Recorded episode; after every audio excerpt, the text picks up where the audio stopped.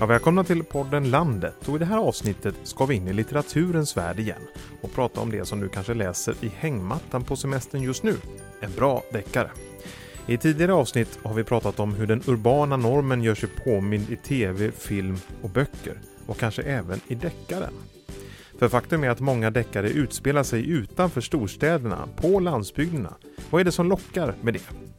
Genren har till och med ett eget namn, country noir, ungefär mörk landsbygd.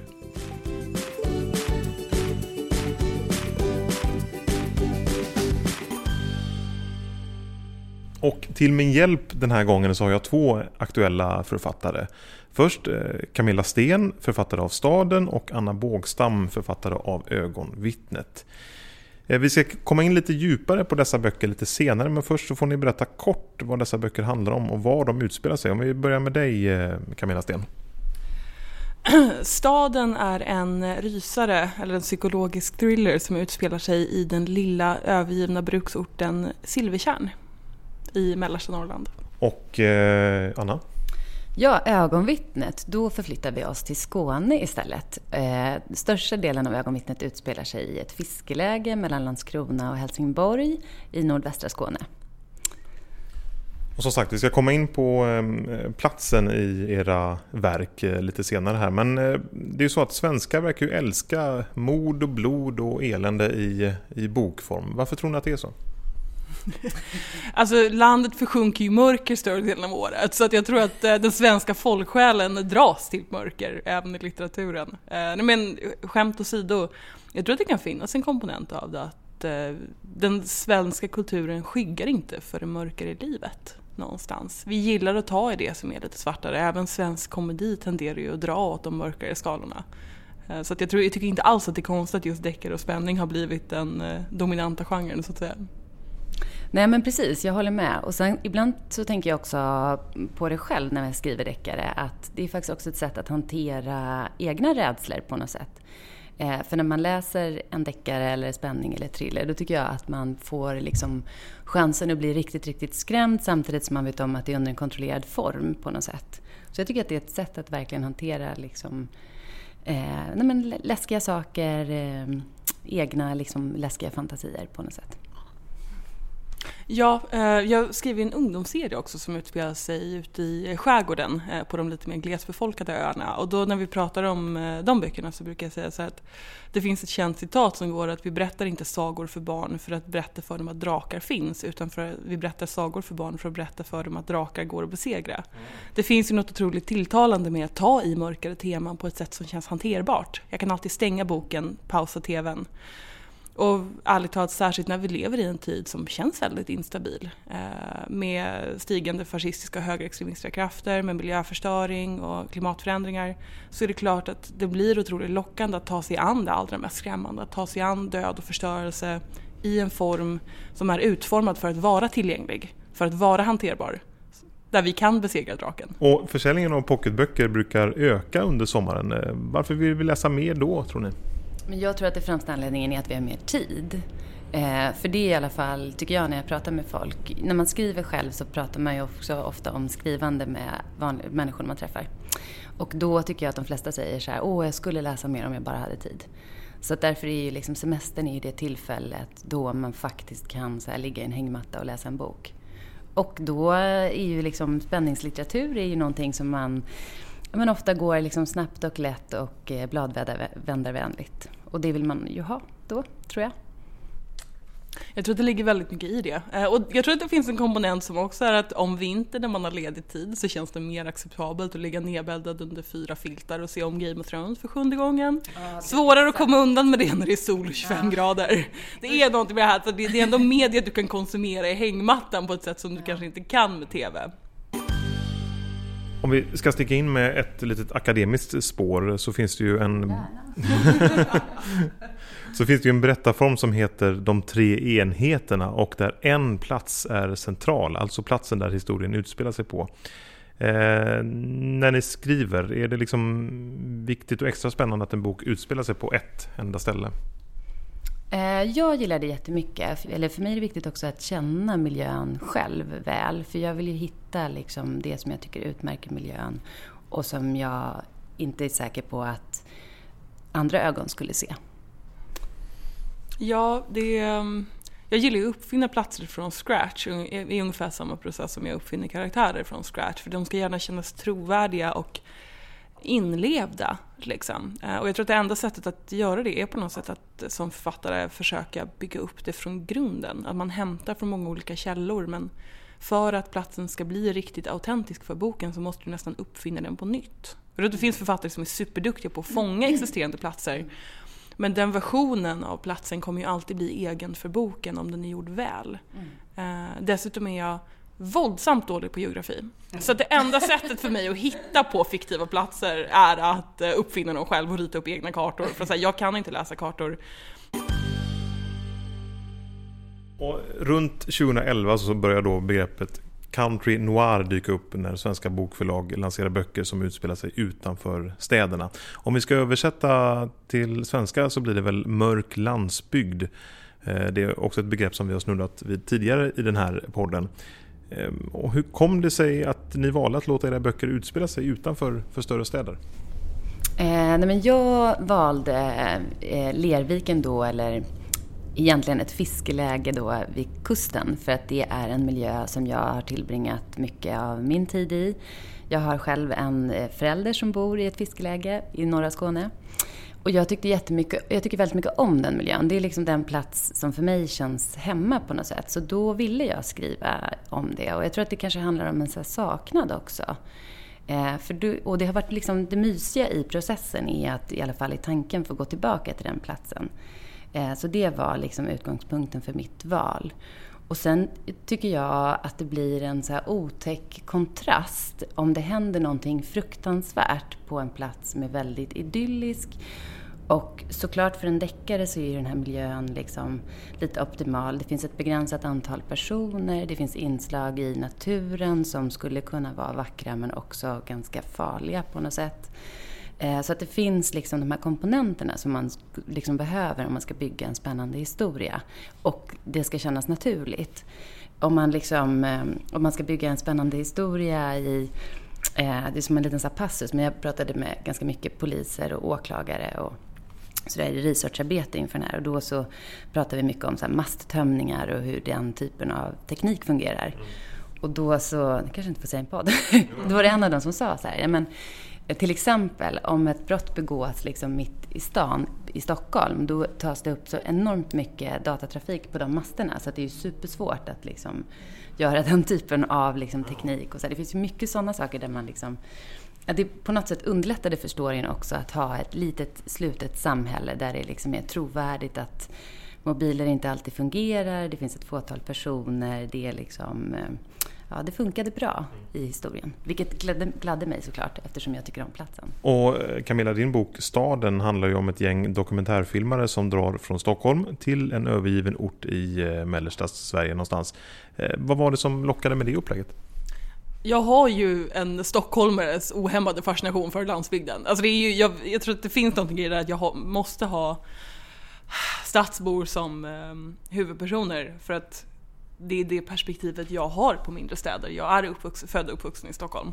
Eh, och, och, är således djupt förtjust i mindre städer. Jag tycker att de är jättespännande på ett sätt som jag ibland är orolig blir lite fetischiserande. Typ. Du vet, alltså, jag ser ju bara det här intressanta. Oj då, berätta mer, vad är det som är... Nej, men jag tycker att det är, väldigt, det är väldigt spännande det här med liksom det lilla samhället där alla går flera generationer tillbaka och där Eh, alla de sociala reglerna är väldigt outtalade men, men satta i sten liksom, där alla känner varandra och har koll på varandra. Och, eh, och där man är väldigt fast tror jag. Alltså Silvertjärn är ju en bruksort, där, eller en gruvstad egentligen, där gruvan läggs ner. Plötsligt så har 900 personer inget sätt att försörja sig och ingen kan flytta därifrån för att det är 1959. Var ska de ta vägen? Det är ingen som kommer köpa deras hus, de har inga besparingar.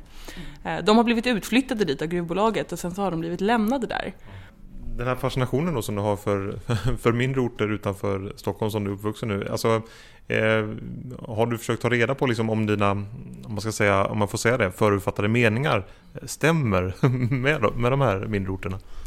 Ehm, ja, alltså, jag har ju fuskat lite, men jag har, jag har släkt i Sandviken till exempel. Uh, som ändå är en större mindre ort. Liksom. Men jag har an anknytningar dit. Men jag kände någonstans att jag var tvungen att um, att åka ut i landet och känna lite på mindre orter. För att få en bättre känsla för... Gjorde du det som researchresa? Jag kombinerar det ofta. Så jag tycker att, du vet, jag har ju skrivit böcker, äh, så ungdomsböcker tidigare och då blir jag bokad på författarprat ibland. Och då, så, jag föredrar att boka in dem i mindre orter. För att det funkar mycket bra, väldigt bra som research för mig. Att jag får se och känna lite på texturen. Och, och Anna, ögonvittnet då, det handlar ju om en polis som flyttar hem till Skåne, till det här eh, fiskelägret, för att lösa ett mord. Hon flyttar från storstan tillbaka till hembygden. Och man använder ju den här förflyttningen, eh, den är ju ganska vanlig inom filmens värld till exempel, jägarna och, och masjävlar och även då i litteraturen. Varför är den så effektiv att använda sig av? Den här förflyttningen? Eh, nej, men jag, jag tror delvis för att man hamnar i just det här att då finns det en liksom naturlig anledning att använda en ny persons ögon på den här trakten. Liksom. Hade hon alltid, som Harriet, min hjältinna heter då, hade hon varit uppvuxen där då kanske inte hon var, hade varit lika fascinerad över det hon ser på något sätt. Eh, så på det sättet tycker jag att det är effektivt. Och sen finns det ju naturligtvis en annan rent så dramaturgisk poäng och det är att det passar väldigt bra att hon inte riktigt känner alla de här personerna hon träffar. För att i just ögonvittnet så ligger ju intrigen väldigt nära henne och då Eh, är det bra att ha en naturlig förklaring till varför hon inte vet allt om sina grannar eller allt om alla som bor i den här trakten. Eh, så det passade bra. Jag har några teorier som jag vill eh, testa på er. Mm. Eh, till varför man lockas att förlägga mord på, på landsbygderna. Eh, ett är att det kan vara liksom att att det kan vara lättare att begå ett rått mord på en öde plats klockan nio på kvällen jämfört med samma tid inne i en central eh, plats i en stad. Vad tror du om den teorin? Eh, alltså i verkligheten så tror jag inte att den stämmer. Utan i verkligheten tror jag att det är kanske det mest ovanliga mordet. Eh, men eh, när man tänker, jag gör ofta så när jag skriver, när man tänker på liksom, vad vore det läskigaste? Så vore det ju just att möta eh, en gärningsperson eh, på en öde plats mitt i natten. Så därför är det ett bra val om, nu, om man nu ska bygga på liksom rädslor och att få leva ut sin skräck på något sätt. Mm. Jag, vet inte om jag håller med. Jag tror också att det kanske i verkligheten är svårare att göra det. Men jag tror absolut att det är mer intressant. Alltså det, det, på något sätt så blir det bara ett förstorat familjedrama när alla, alla banden är så starka och så mm. väletablerade. Jag, jag tänker att det är snarare det att så här, gamla intensiva relationer är intressanta och du får fler sådana i ett mindre samhälle. Så det blir mer att nysta i. Liksom. Eh, familjehistorier går längre tillbaka, grannar känner varandra bättre och när de inte gör det så blir det också ett problem. Så jag, jag tänker att det är mer det. Att, eh, det jag vet inte om det är lättare men det är definitivt mycket mer intressant att placera ett mord i ett litet samhälle. Men gör, har man inte de här eh, djupa relationerna och alla känner alla liksom i ett kvarter i en stad då? Det har inte varit min upplevelse. Jag har träffat mina grannar en gång och jag har bott här i sex år. Eh, ja. Och den gången jag träffade dem var för att de kom över och knackade på dörren för att de tyckte att jag tittade på Netflix för högt. Ytterligare en teori, eh, en bild som förmedlas av Sverige utanför storstäderna det är ju att det är pittoreskt, vackert, böljande sommarängar och att då lägga ett brutalt mord i den här eh, idyllen. Vi var väl inne på det lite grann tidigare här. Vad, vad, vad skapar det för effekt? Eh, alltså så länge det inte är verkligheten så tycker jag att det är roligt att leka med just de kontrasterna eh, på något sätt. Så jag, jag, gillar det greppet. Jag tror att jag själv har kanske haft med mig det sen Eh, nej men, eh, liksom den starkaste under min uppväxttid som har påverkat mig mycket var till exempel Twin Peaks när det hände det här fruktansvärda dådet i det lilla samhället. Eh, och att det på något sätt blir så otroligt mycket större. Eh, så det tyckte jag var intressant att hålla på med. Sen känner jag ett ständigt dåligt samvete gentemot eh, fiskeläget till exempel, där min egen pappa bor. Där man känner sig förlåt att jag har förstört en del av det här fina genom att så här, placera ett jätteotäckt mord här. Eh, för att det också eh, Alltså, det är ju någon sorts konstig balans i deckare eh, jämfört med verkligheten. Men om någonting sånt skulle hända i verkligheten så är det ju en fruktansvärd tragedi som verkligen skulle liksom förändra allt i ett litet samhälle. Och Camilla, din, eh, i din bok I staden så var det ju en gång ett jättepittoreskt litet eh, gruvsamhälle. Mm. Jag tror inte på det pittoreska. Jag tror, det är där jag, kommer. Jag, jag tror inte att pittoreskt existerar egentligen. Jag tror bara att pittoreskt är en, en ram vi gillar att applicera på vissa typer av samhällen som känns eh, obekanta. Ingen kallar någonsin sin egen hemort pittoresk, har ni tänkt på det? Pittoresk är bara en term vi, vi liksom använder för andra platser som vi besöker.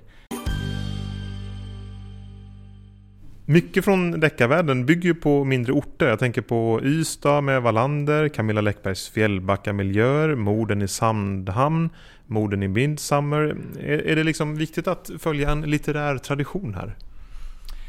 Åh, eh, jag tror att det är nästan omöjligt att undvika en litterär tradition. Man blir ju otroligt influerad av det man läser, tänker jag. Det går, alltså, om man vill bli författare eh, så följer det sig naturligt att man läser väldigt mycket själv. Att man uppskattar böcker, att man uppskattar form och språk. Så det är klart att det är nästan omöjligt att inte gå i något fotspår. Även om man aktivt bestämmer sig för att jag ska bryta mot traditionen så är det en handling i respons till det man redan har fått med sig.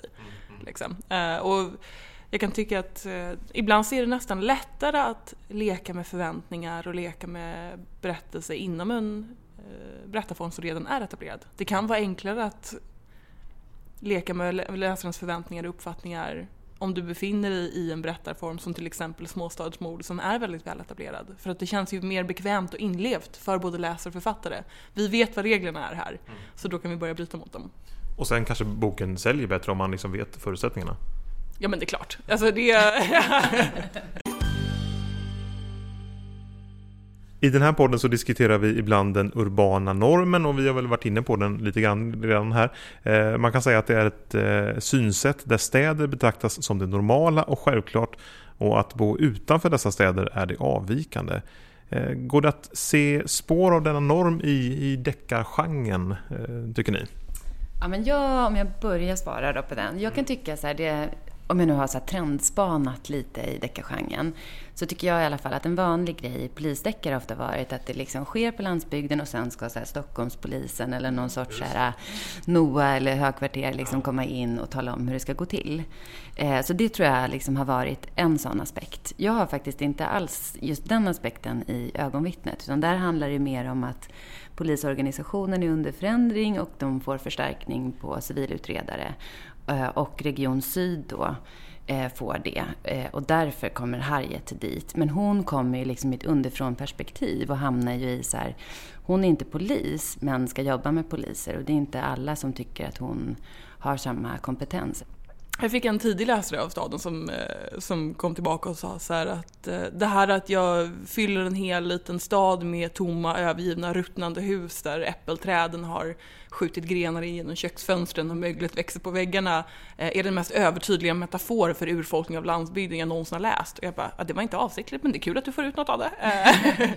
men det är klart att det finns någonting där, det är klart att det finns något i det här eh, utforskandet av den eh, förfallna idyllen med en stockholmares ögon mm. som är väldigt mycket urban norm. Vi betraktar utifrån, och det är just det här, Stockholmspolisen eller utredaren eller ibland journalisten eh, som kommer till den här lilla orten från storstaden. Mm. Alltså, det är klart att, att låta det utspela sig i mindre städer är ett intressant sätt att gå bort från storstaden men du har ju fortfarande en urban, urban norm för vi betraktar det alltid med eh, utomstående ögon. Det är väldigt, väldigt ovanligt att inte göra det. Till och med i deckare där eh, folk faktiskt kommer från bygden. Titta på eh, Annabelle, eh, Lena Bengtsdotters mm. helt fantastiska debut. Eh, där hennes Charlie Lager kommer tillbaka till Gullspång. Mm. Men hon kommer tillbaka. Hon har inte bott där under tiden. Man får fortfarande den hemvändarens mm. syn på det hela som har varit i staden och sen kommit tillbaka. Alltså jag tror att den här ehm, Eh, det betraktande ögat utifrån förstärker nog normen även när man inte vill göra det. Eh, och jag kan titta på både på staden nu, där du har en av Silvertjärns ättlingar, liksom. en av de som tog sig därifrån, ett barnbarn som kommer tillbaka och betraktar det. Eh, eller en, min kommande ungdomsroman som också utspelar sig i en, lit, en liten ort i Jämtland. Mm. Där är en av huvudpersonerna också en stockholmare som har flyttat in. För att någonstans, många författare är stockholmare eller göteborgare och vet inte riktigt hur det känns inifrån och då blir det automatiskt en urban blick. Men, men kan man säga att du eh, medvetet använder dig av den urbana normen när du skriver? Jag försöker ifrågasätta den eh, och, och belysa den men samtidigt så är det någonstans här, alltså jag kommer ju spela in i den på grund av eh, på grund av var jag kommer ifrån. Eh, jag, kommer, jag, jag kom, tror uppriktigt att jag kommer aldrig kunna skriva en karaktär som är uppvuxen i en liten stad med samma autenticitet som en författare som hade gjort det skulle kunna göra. För jag vet inte hur det känns in i märgen. Jag kan göra ett eh, så pass bra jobb att det passar in i berättelsen och att det inte ifrågasätts tror jag. Men det finns fortfarande nyanser i det hela jag aldrig kommer kunna komma åt. På samma sätt som jag skulle aldrig kunna skriva någon med en väldigt annan kulturell bakgrund än jag har på, med samma autenticitet som någon från den gruppen skulle kunna göra. Det betyder inte att man ska låta bli, Nej. men det betyder, jag tror man får vara medveten om att här, jag spelar in i den här normen genom att ta upp och ifrågasätta den också. Alltså jag, jag kan göra mig själv till en del av konversationen, men jag kan aldrig frångå den. Jag tänkte att ni skulle få beskriva den läskigaste platsen som ni kan tänka er och att vara ensam på. Och varför eh, det? ja, men precis. Alltså här, här tycker jag det finns två vägval. Eh, på ett sätt är för mig den läskigaste platsen jag kan tänka mig att vara ensam på typ vara instängd i liksom en bunker eller något så slutet system och inte heller veta om någon mer är där. Men i verkligheten är ju den läskigaste platsen att vara ensam på sitt kontor. Oj! Nej men det tycker jag, då, ja, då känner jag mig nästan så här eh, som att någonting är liksom fel. Typ om man liksom måste åka in till jobbet under helgen eller jobbar sent. Det är mitt läskigaste när det liksom klickar till och så släcks alla alla lampor på våningsplanet och så sitter man och så bara tänker jag så här, gud, tänk om jag hör steg här nu, vem är det? Eller liksom, det är ju så otäckt liksom. Är det för att någon annan ska liksom komma och överraska dig? Och... Ja, men för att det liksom lite direkt blir något förbjudet, att man plötsligt gör någonting after hours liksom i, i det. Så det tycker jag är, det är mitt läskigaste. Om jag, om jag är liksom inne i stan och ska göra något och måste springa förbi kontoret på helgen, då känner jag mig nästan som en inbrottstjuv. Det är som att gå hem till någon som inte är hemma. Mm. Det är det läskigaste som finns tycker jag. Mm. Men det är ju en annan deckare. Mm. IKEA efter stängning. det tycker jag är en dröm att bli kvarglömd i ett varuhus. Nej, det där är fan det värsta jag kan tänka mig. IKEA efter stängning. Ärligt talat IKEA före stängning om det är en lördag eftermiddag också. Jag alltid IKEA. Uh, ja, alltså IKEA är många varianter. Jag, sist jag var på IKEA så såg jag på riktigt ett par bestämma sig för att skilja sig på sängavdelningen. Uh, vilket, uh, det, det var min livs värsta upplevelse. Uh, men eh, på riktigt, IKEA efter stängning, det är en så otroligt välbekant miljö med tydliga regler, du har pilar på golvet som visar vart du ska gå, det är, det är så här, vi har alla varit på IKEA en miljon gånger så det är supervälbekant och så släcker du allt och du är själv och dörrarna är låsta och så hör du någonting på andra sidan golvet. Men du ser ingenting. IKEA efter stängning, fy fan alltså. Tack för att ni var med i podden Landet. Ja, tack så jättemycket, vad roligt att vara med. Tack själv, otroligt kul att vara med. Och med mig i detta samtal hade jag författarna Camilla Sten och Anna Bågstam. Mer i ämnet litteratur kan du höra i avsnitt nummer 73. Där pratar vi om landsbygden i litteraturen, både idealiserad och dyster. Jag heter Peter Gropman och tack för att du har lyssnat på återhörande.